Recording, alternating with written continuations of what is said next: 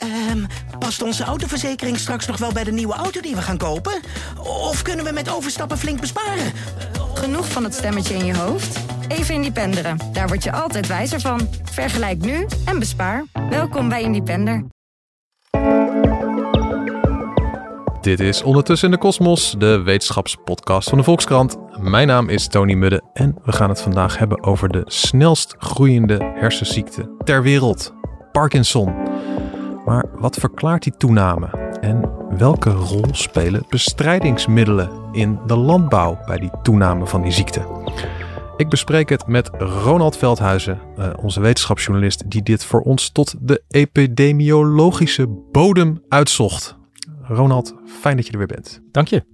En uh, ja, ik begin meteen maar even met die stijging. Uh, hoeveel meer mensen krijgen nu Parkinson dan pak een beet x jaar geleden? Ja, als je teruggaat zo'n tien jaar geleden, dan zie je dat er ongeveer 30.000 mensen in Nederland leefden met Parkinson. En nu zijn het er 40.000. Dus dat is een derde meer, 30% meer. Ja. Dus dat is best fors. En als je dan ook nog Parkinsonisme meetelt, dat is eigenlijk een soort van ja, verzamelnaam voor aanverwante ziekten die heel erg op Parkinson lijken. Ja. Uh, dan is dat zelfs met um, uh, anderhalf keer zo groot geworden, het aantal mensen. Dus dat totaal zit op 60.000. Oké, okay, ja. flinke toename. En ja. voor, voor, de mensen die uh, toevallig niet iemand in de familie hebben met Parkinson, wat, wat gebeurt er met je als je Parkinson hebt? Want jij hebt zelf ook patiënten gesproken. Ja, ik heb zelf ook patiënten gesproken. Ja, het is, het is echt wel een heel erg akelige, nare uh, ziekte.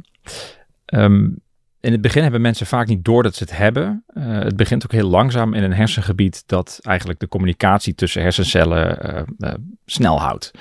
En het is ook vooral belangrijk om de spieren aan te sturen.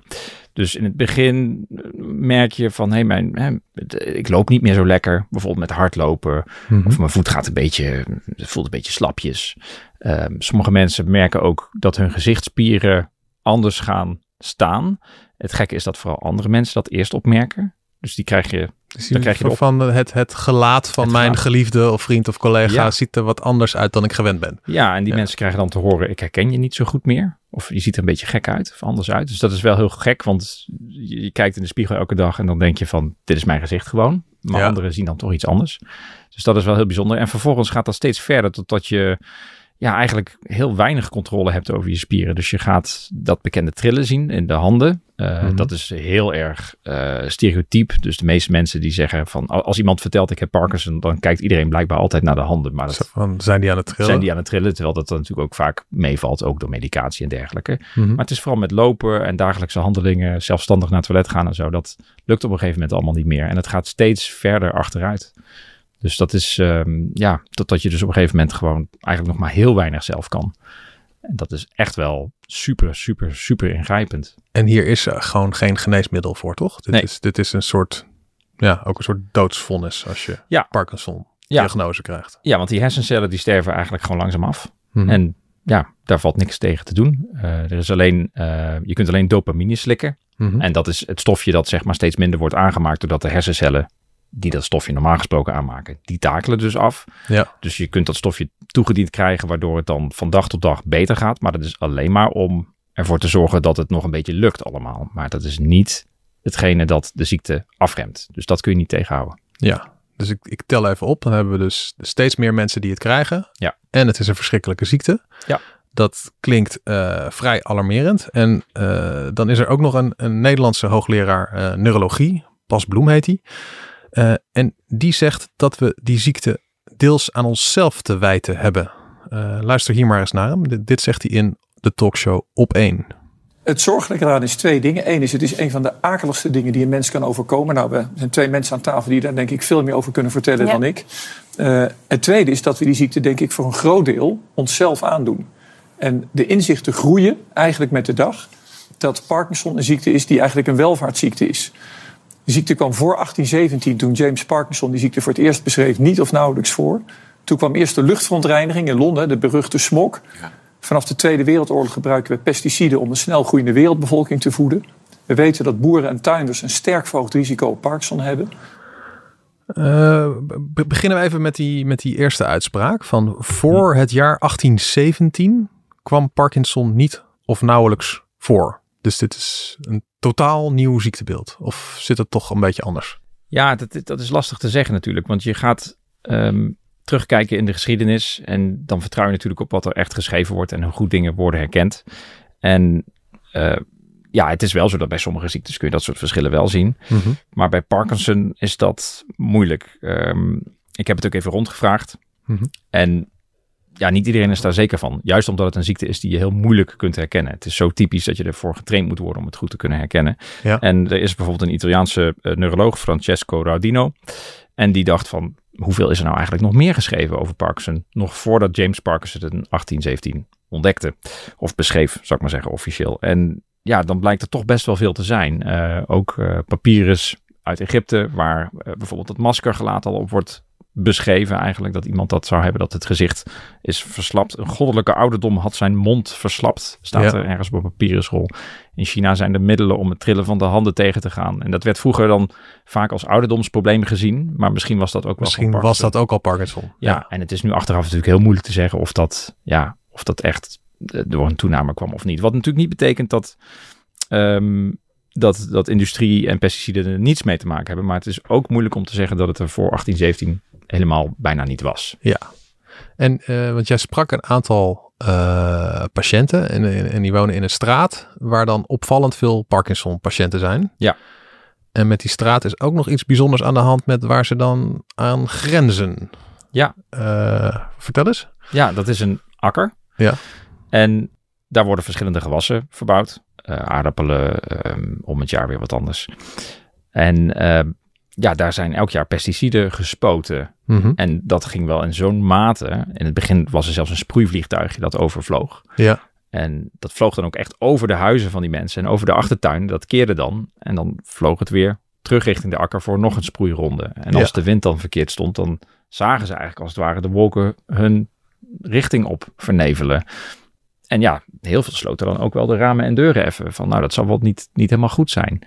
En dat is zo decennia lang doorgegaan. En eh, nu gaat dat versproeien natuurlijk met grote tractoren. Met van die lange brede armen waar dan van die, van die buisjes aan zitten. En dan zie je het daaruit Mhm. uitsproeien. Ja. Maar dat gebeurt dus nog steeds. Ja. En ehm, ja, dat is dus wel een moeilijke combinatie. Dat er dan opvallend veel mensen Parkinson hebben. En er worden ook veel pesticiden gespoten. ja, ik kan me dan voorstellen als je daar woont dat je dan denkt zo van, hey, he- heeft dit verband met elkaar? Ja, Nou, eh, en bij boeren is in het verleden dat ook echt aangetoond, hè? Van die lopen inderdaad een verhoogd risico. Is, Ja. is dat enigszins kwantitatief te maken? Waar hebben we het dan over? Ja, je moet eh, zien dat ongeveer Parkinson komt het meest voor onder 60-plussers. En in Nederland hebben we het dan over 6 op de 1000 mensen die dat dan hebben. Ja. Dus dat, eh, dat is op zich niet, het is niet een super zeldzame ziekte, maar de kans dat je het krijgt is ook weer niet super groot. Eh, maar onder boeren is dat toch 10 op de 1000. Dus dan heb je het over 1 op de 100.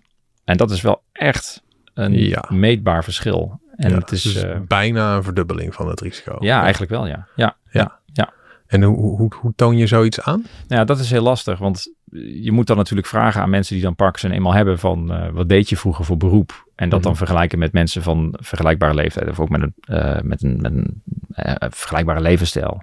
En dan kijken wat zij deden en dan kijken of je verschillen kunt vinden. En en bij heel veel van dit soort onderzoek is dat lastig om goed vast te stellen of dat dan echt iets te maken heeft met ziektes. Bijvoorbeeld, vroeger had je onderzoek dat ging over of je kanker kon krijgen van mobiele telefoons. Ja. Maar ja, als je dan vraagt aan mensen, heb je veel gebeld? Dan denken ze natuurlijk zelf ook, oh, daar komt mijn tumor misschien vandaan. Dus dan, Ja. dan zeggen mensen dat soort dingen vaker. Maar bij boeren is het wel echt Ja, bij die telefoons ken ik ook nog een onderzoek waarbij ze dan gewoon echt bij kankerpatiënten hun telefoongegevens hadden opgevraagd. En dan hadden ze gekeken bij wel kankerpatiënten en niet kankerpatiënten. Ja. Zo van bellen die kankerpatiënten dan echt substantieel meer. Nou, dan bleek geen enkel verband. Dus dat was er niet. Precies, als zodra je de Ja. echte gegevens hebt, is het er niet. Maar als je het mensen vraagt, dan komt het wel opduiken. Maar bij de boeren hebben ze natuurlijk vrij specifiek toch wel inderdaad ook echt een aantal jaren dat ze met pesticiden hebben gewerkt, toch wel kunnen, kunnen herleiden in sommige landen. En dan blijkt het verband er ook. Eigenlijk juist des te meer gedetailleerder de gegevens waren, dat Mhm. mensen niet zelf ze hoefden te herinneren wat ze deden en hoe ze het deden, des te sterker dat verband eigenlijk is. Dus eh, ja, het lijkt er wel echt op dat daar iets speelt. Dan, Ja. za- dan zag je dus iemand die het beroep boer had en bepaalde bestrijdingsmiddelen gebruikte. Die kreeg dan zoveel keer vaker eh, Ja. Parkinson dan iemand die, ik noem maar wat, automonteur was. Exact. En niet in de boer, niks met die pesticiden deed. Precies. Ja. ja. ja. En dan kan je het waarschijnlijk ook nog met dierstudies, die leveren dan een soort aanvullend bewijs dat dat spul niet zo goed was waarschijnlijk. Uh, ja, dus wat, je hebt bijvoorbeeld schimmeldodende middelen zoals benomiel. Dat is in Nederland uh, al een tijdje verboden nu. En ja, dat tast sowieso hersencellen aan. Mm -hmm. En ja, dat, dat, dat is wel een teken van, goh, het is gevaarlijk voor je. Ja, we hebben het nu over boeren in het verleden, maar de, en, en de huidige boeren dan? Ja, dat is moeilijk te zeggen. Want het probleem is natuurlijk dat Parkinson een langzame ziekte is. Dus uh, dat begint dan een aantal jaren voordat je het opmerkt. Dus dat betekent dat op het moment dat, uh, dat je jarenlang bent blootgesteld geweest aan allerlei middelen waardoor je die ziekte misschien zou kunnen krijgen, mm -hmm. ja, dan heb je het over een epidemioloog die ik sprak bijvoorbeeld, die zei van ja, de mensen die we nu terugzien in de gegevens, dat, is, dat gaat over middelen van minstens 20 jaar geleden. Ja, ja. Ja, want zo langzaam gaat het. Dus je kijkt altijd alleen maar naar het verleden en nooit naar wat er nu speelt. En dat maakt het wel bijzonder ingewikkeld allemaal. Ja. Het lijkt me ook wel een beetje enge gedachte als je nu boer bent en je gebruikt iets. En dan zeggen ze van, uh, ja, maar uh, het is allemaal goed gekeurd en prima. En dat je denkt, oh, en dan gaan we over twintig jaar ontdekken van, oh nee, het was toch niet prima. Ja, dat vond ik ook wel het enge hieraan. Dat je eigenlijk toch wel uh, telkens ziet van, we lopen inderdaad gewoon de hele tijd achter de feiten aan. en, en in het nu lijkt het allemaal oké. Okay, ja. Maar, en terugkijkend kun je altijd zeggen, goh, dat deden we vroeger. Dat vonden we vroeger normaal. Maar zo gaat het met, met heel veel middelen wel eigenlijk uiteindelijk. Dat die dan toch weer ook de markt afgaan. Lijkt dat, lijkt, dat ook, lijkt dat ook een beetje op de problematiek? Ja, die speelde dan eerst bij roken. Ja. Dat, dat, duurde dan ook even voordat duidelijk werd van... oké, nee, hier, hier krijg je echt uh, substantieel vaker longkanker van. Ja, daar lijkt het heel erg op. En dan heb je nu ineens dat vapen. Ja. Waarvan dan wordt gezegd van... Uh, ja, maar uh, dat is echt, dat zal wel minder schadelijk zijn. Maar dat ontdekken we waarschijnlijk ook pas 20 jaar of dat ja. over 20 jaar of dat echt waar is. Ja, precies. Ja, ja, nee, zeker. Dat is heel moeilijk direct te bewijzen. Want als je het nu wil bewijzen, dan moet je dus ja, andere dingen proberen te doen. Je kunt het niet, je kunt niet mensen in een soort van doosje stoppen en kijken en de tijd, de klok versnellen en dan kijken of ze echt ziek worden of niet. Dat bestaat niet. Dus ja. Oké, okay, en, en, en, en dan nu dat de boeren lopen dus een duidelijk verhoogd risico. Of in ieder geval de boeren die in het verleden met die stof hebben gewerkt. Ja. Uh, dan gaan we nu naar de, de, de niet-boeren. Mensen die wonen in de buurt van boerenland. Wat in Nederland ook heel veel mensen zijn, want er is heel veel boerenland. Ja, ja. Uh, lopen die ook een verhoogd risico? Ja, misschien wel, maar misschien ook niet. Dat is niet duidelijk. Want waarom is dat moeilijker om... Want bij die boeren is het dus gewoon duidelijk. Ja. En waarom is het bij de omwonenden zo lastiger te zeggen? Dat heeft te maken met de dosis. Um, de boeren die hebben vrij veel middelen om zich heen gehad natuurlijk elke dag in hun leven. Mm-hmm. En omwonenden niet. Dus uh, de kans dat je... Dus als ze al een verhoogd risico hebben... dan is de kans dat het even groot is zoals bij die boeren... die is veel kleiner. Dus het effect zal sowieso kleiner zijn. Het zal sowieso kleiner zijn. Ja. Maar en... dan moet je ook genoeg mensen vinden... om zeker te zijn van... vinden we dat kleine effect ook wel? Want ja, ja voor elke straat waar er veel mensen Parkinson zullen wonen... zal er ook een straat zijn waar ook pesticiden zijn verneveld, maar misschien minder mensen met Parkinson wonen. Want er zijn ook altijd toevalseffecten. Ja. Ja, dus je moet heel veel van die straten, als het ware, verzamelen voordat je zeker weet, nu hebben we echt iets gevonden dat toch geen toeval meer kan zijn. En de status van studies die er nu naar is gedaan, is soms vinden ze een heel licht verhoogd effect en soms vinden ze helemaal niks. Is het, is het zo'n soort verhaal? Ja, dus uh, aan de Universiteit Utrecht uh, en het uh, RIVM, um, die werken samen. En uh, een epidemioloog, uh, Roel Vermeulen, die, uh, die leidt veel van die studies. En ja, ze proberen dan echt te kijken wanneer is er precies wat gespoten, hoe lang, hoe stond de wind en dat soort dingen. En ehm, dat, dat is de nieuwe richting waar het heen gaat. Um, als ze gewoon kijken naar welke akkers waren bebouwd, wat is er toen ongeveer gespoten in het verleden en zien we nu iets bij omwonen, dan zien ze niet direct een super groot effect. Ze zagen wel iets, geloof ik, bij, en dan moet ik heel voorzichtig zijn, mm-hmm. bij, ik geloof, aardappelen mm-hmm. en tarwe. Mm-hmm. Maar dat is dus zo'n situatie waarin ze zeggen, ja, we weten eigenlijk niet 100% zeker of dat toeval is. En in andere landen waar ze bijvoorbeeld die groenten verbouwen, daar, ja, daar zien ze zo'n verband weer dus helemaal niet. Dus het maakt het wel weer ja, lastig om te zeggen, is het nou toeval of niet? Dat is dan ergens nog wel geruststellend. Maar als het dan ja, alleen boeren zijn waar heel duidelijk een verhoogd risico op Parkinson is.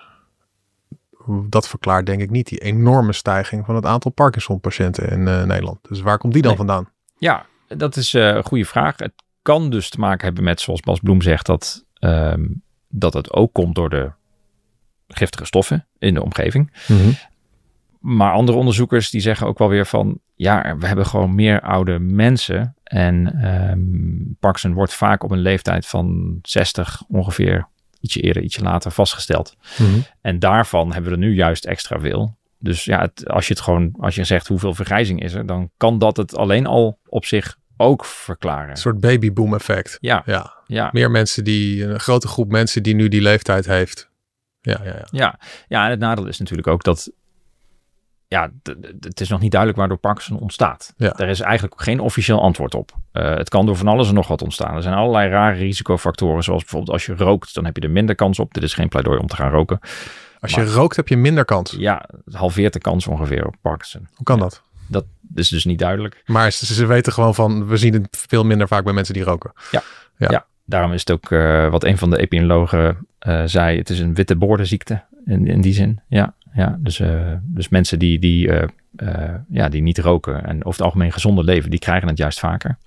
Dat is gemeen. Ja, dat is heel gemeen. Ja, en Ja. je zei al, dit is geen ple- pleidooi om te gaan roken. Want als je wel rookt, dan, dan aan de andere kant van de weegschaal heb je natuurlijk je kans op longkanker gaat weer zoveel meer omhoog dat je het toch maar beter kan laten, lijkt ja, mij. en dat nare COPD en zo. Dat, Ja. ja. ja. Nee, dus dat. maar bijvoorbeeld ook mensen die huidkanker ontwikkelen. Mhm. Die hebben dan weer juist, ik geloof, een bijna twee keer zo hoog risico op Parkinson. En misschien wel andersom ook. Dus als je Parkinson hebt, krijg je misschien ook eerder huidkanker. En ook dat snapt niemand. Dus het, is, het zit heel gek in elkaar. En het hangt ook echt samen met allerlei dingen die... Ja, hè, huidkanker ontstaat ook vaker als je ouder wordt. Dus het is, ja, het is heel ingewikkeld om te zeggen waardoor het nou precies komt. Zijn we ons dan zelfs te veel blind aan het staren op, eh, op pesticiden? Zoiets van, eh oeh, daar zit het grootste risico. Nou ja, daar kan ik zelf niet over oordelen. Ik vind wel dat er wat voor te zeggen valt om wat we net al noemden. Dat het enge idee van die pesticiden, dat we pas achteraf weten wat er aan de hand is, dat is niet goed. Mhm. Ik denk dat het goed is dat, eh, dat er betere manieren worden eh, opgezet om in te raden te houden of we nu ziek worden van allerlei dingen. Ja. Aan de andere kant is het natuurlijk ook zo dat ja, als je, ehm, als je zegt van we zijn onderzoeksgeld aan het verdelen, Ja, ik sprak een, eh een Parkinson-neuroloog. Die zei van, het, het, het gaat goed, maar ehm, je ziet dat de, in, binnen de Parkinson-gemeenschap, ook de patiëntenverenigingen, die, die, die, da- daar gaat het ook heel erg veel over pesticiden. En het kan natuurlijk ook zijn dat er onderzoeksgeld dat bijvoorbeeld had kunnen gaan naar de ontwikkeling van een nieuw medicijn, dat dat gaat naar pesticiden en Parkinson-onderzoek, naar een verband daartussen. Terwijl daar, het is niet zeker of de middelen die er nu nog zijn, of daar eh, een verband uit gaat komen. ja, ja. Ja, dus die persoon zou dat zonde vinden. Overigens zegt Bels Bloem zelf ook dat hij dat het liefst niet zou zien. Hij vindt dat de industrie moet betalen Ja. voor dit soort onderzoek. Maar daar zijn we ook nog niet. Dus het is ja, heel lastig om te zeggen hoe je dat eh, nu het beste kan doen. Ja, dat is dus e- een van de grote openstaande vragen, hoe je dit het beste kan doen. En Ja. ik denk ook de hele tijd van bij die toelatingsprocedures. Hè? Van eh, er is een, eh, iemand die bedenkt een nieuwe pesticide. Zo Ja. van, nou, dat is handig om dit gewas te beschermen. En dan begint er een soort toelatingsprocedure. En dan eh, gaan ze eerst kijken van, nou, als we het aan eh, muizen geven, gaan die de dood aan. En eh, nou, dat ziet er goed uit. En het lijkt een beetje op het vorige molecuul. En dat was ook oké. Dus nou, oké, we laten hem toe. Ja, precies. Zo gaat het volgens mij meestal. En dan, maar ja, dat is dan één middeltje. Maar er worden natuurlijk tientallen middelen. Is er ook iemand die die hele cocktail die we op ons Nee, nee dat is uitgestort krijgen, zegt van nou, als je het zo allemaal optelt, is het eigenlijk best wel vervelend. Nee, dat, dat is het nu niet. En dat, eh, ja, dat is een reële zorg. Dat zeggen ook toxicologen. Ehm, officieel is het niet duidelijk hoe middelen op elkaar aangrijpen. En eh, de Europese waakhond, de keuringsdienst, EFSA, eh, die zegt wel daaraan te werken om dat te gaan onderzoeken. En dan hebben we het ook over bijvoorbeeld, ehm, en dat zie je bij die mensen in die straat hier ook. Ja, die spreken ook over hoe de middelen bij hun thuis naar binnen waaien. Waarschijnlijk. Ja. Zomers liggen er hoopjes stof onder de ramen. En daar zit een stuk stof van het land. Ja, En er zitten ook die middelen in. ja. Dat zit dan in je tapijt. Eh, daar kruipt een keer een kind overheen. Hè? Hoe, hoe krijg je dat binnen? Dus, en dat is nog echt een totaal nieuw soort vraag waar nog ja, geen manier voor bestaat om, om nu te zeggen, daar keuren we een stof op. Het is nu echt alleen van, we voeren een muis of een rat zoveel eh, gram van het gif en dan kijken we wanneer die rare eh, effecten krijgt. Ja. En dat is echt iets heel anders dan zeggen van, we hebben hier een tapijt met eh, stof A tot en met Z en ehm, wat gebeurt er dan? Ja. Ja. Dus je zou eigenlijk een soort test moeten doen van dat je dan, als er dan een nieuwe stof uitkomt, dat je dan die muis alles geeft wat er, waar, die, nou, waar mensen nu al mee in aanraking komen. En dan doe je die er nog bij. Ja, precies. En dan kijk je wat er dan gebeurt. Ja, en het liefst dan natuurlijk stiekem ook nog, want je krijgt altijd dat gedoe met, ja, muizen zijn geen mensen, dus dan weet je het nog niet. Ja. Dus ja, de richting, het gaat nu ook richting dat ze, dat ze kleine mens mini-orgaantjes gaan kweken en zeggen van, goh, kunnen we daar niet kijken wat de cocktail is, of de darmflora, of dat soort dingen. Het, het, Ja. het, het is super ingewikkeld om dit goed te doen. Ja, ik heb ook een keer dat ik, eh, ik, ik heb ooit een keer, wat is het, eh, nou, ik denk wel twee maanden in een proefdierlab meegelopen. En en een van die uitspraken die ik nooit zal vergeten, is dat nou, deze daarvan die experimenten waarmee ze dan eh, nou, een muis met kanker en dan gingen ze dan een medicijn op testen. En dan nou, bleek dat de tumor gewoon helemaal wegging. En dan denk je van halleluja, weet je wel. Hier is een geweldig middel. En dan dat, dat meteen die, eh, die onderzoeker zei van, nou, ik zou je zeggen, in muizen hebben we kanker echt al duizend keer genezen. Dus ja, Ja. dat gaf wel aan hoe, dat die stap van het ene organisme naar het andere kan toch echt enorm groot zijn. Ja, precies. Ja. dus dat is lastig. Ja. Oké. Ja. Het, eh, het Parkinson-onderzoek gaat door. Dit was Ondertussen in de Kosmos, de wetenschapspodcast van de Volkskrant. Grote dank aan mijn gast van vandaag, wetenschapsjournalist Ronald Veldhuizen. De volgende keer zijn we er weer met een geheel nieuw onderwerp. Mijn naam is Tony Budde. Graag tot dan.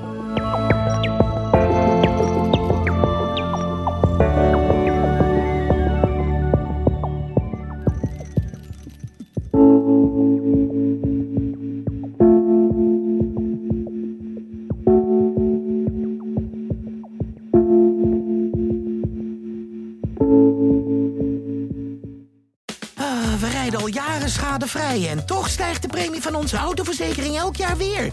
Kunnen we niet eens wat besparen? Genoeg van dat stemmetje in je hoofd? Even Independeren. Daar word je altijd wijzer van. Vergelijk nu en bespaar. Welkom bij Independer.